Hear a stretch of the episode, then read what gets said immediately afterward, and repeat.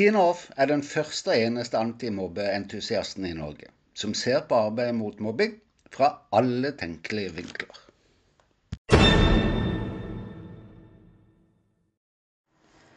Er det en håpløs foreldreforventning i mobbesaker?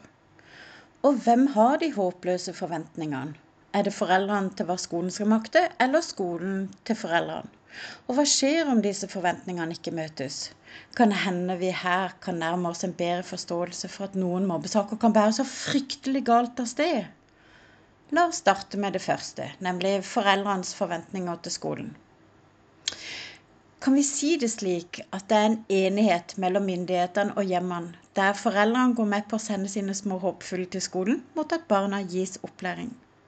Forutsetningen er fra begge sider enigheten om at barna og de unge skal bli tatt vare på all den tid de er på skolen. Kan vi være enige om det? Hvis vi er det, da, så betyr det at når mobbing avdekkes, så er vel denne enigheten brutt?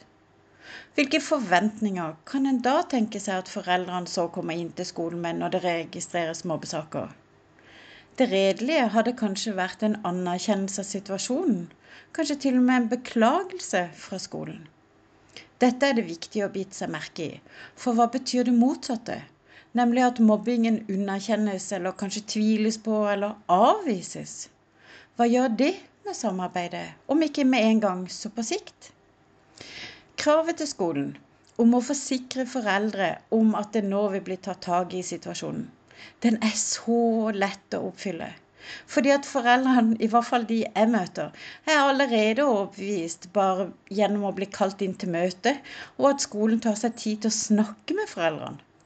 De viser ofte en stor tro og optimisme til at skolen vil klare å fikse opp i situasjonen til deres barns beste. Ofte takker de ja til hvert eneste tiltaksforslag skolen kommer med, for skolen har jo kompetansen og erfaringen til å vite hva de foreslår, det er i hvert fall den forventningen foreldrene har. Det gjør foreldre enkle å forholde seg til, og mer som en informasjonskanal om de ting skolen ønsker å sette inn, enn en faktisk samarbeidspartner. Men så er det jo sånn, da, at klokka tikker og går. Tiltakene virker både å være mange og kanskje noen ganger litt underlige, men fortsatt så opplever jeg foreldre setter sin lit til at skolen vet best. To ting jeg har lyst til å skyte inn her. For det første, det kan faktisk være at skolen setter inn tiltak etter beste evne, men rett og slett ikke har kompetanse nok til å få løst akkurat denne situasjonen.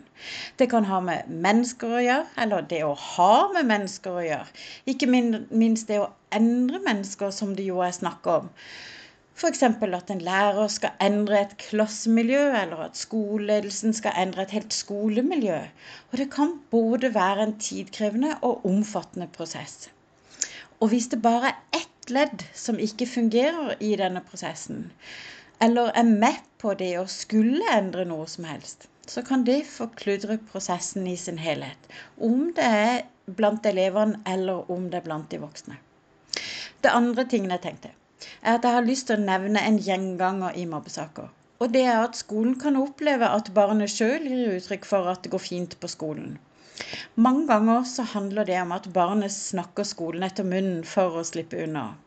Og bare det er et tegn i seg sjøl som kanskje ikke er så enkelt å fange opp. Fordi at skolen kjenner jo ikke barnet så godt. Men når barnet gjør det samme hjemme, nemlig å si at det går bra og det er ikke noe problem, så er det ikke like lett å skjule over tid.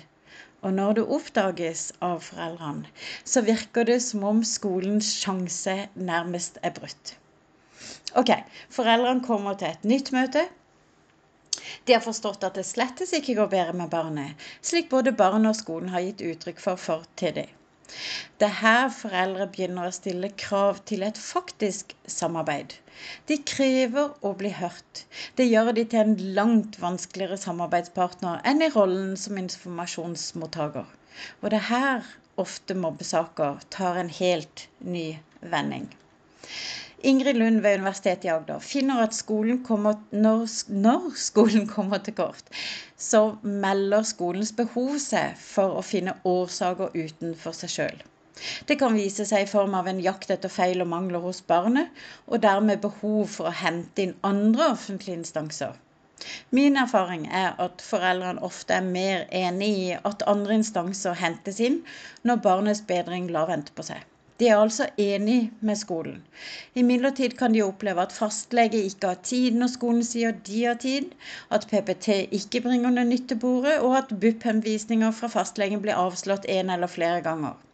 I praksis, da, og selvfølgelig grovt forenkla, det må jeg bare si, er det nok mange foreldre i mobbesaker som opplever fastlegen blir lei og uteblir fra møter fordi skolen ikke lytter til deres råd. Og at PPT og BUP bare er to papegøyer til skolens uttalelser, eller stiller seg lojalt bak alt det skolen foreslår, sånn som Trond Weistad finner i sine studier. Og dersom disse instansene ikke fører til barnets bedring, tar saken enda en ny vending, nemlig til et fokus på feil og mangler hos foreldrene som årsak. Jeg har ikke svart på spørsmålet om hvor håpløse foreldres forventninger til skolen er. Det har du vel plukka opp allerede. Jeg lover at jeg skal ta andre del av spørsmålet neste uke, nemlig hvilke forventninger skolen har til foreldre. Her tar jeg tak i dette siste, nemlig vendingen i mobbesaker, og inkluderer bekymringsmeldingene til barnevernstjenesten. La meg bare få avslutte med en anbefaling til foreldre. Hvis det blir gnisninger mellom skole og hjem, anbefaler jeg at foreldrene ruster seg godt. For det er ikke lenger noen håp om quick fix.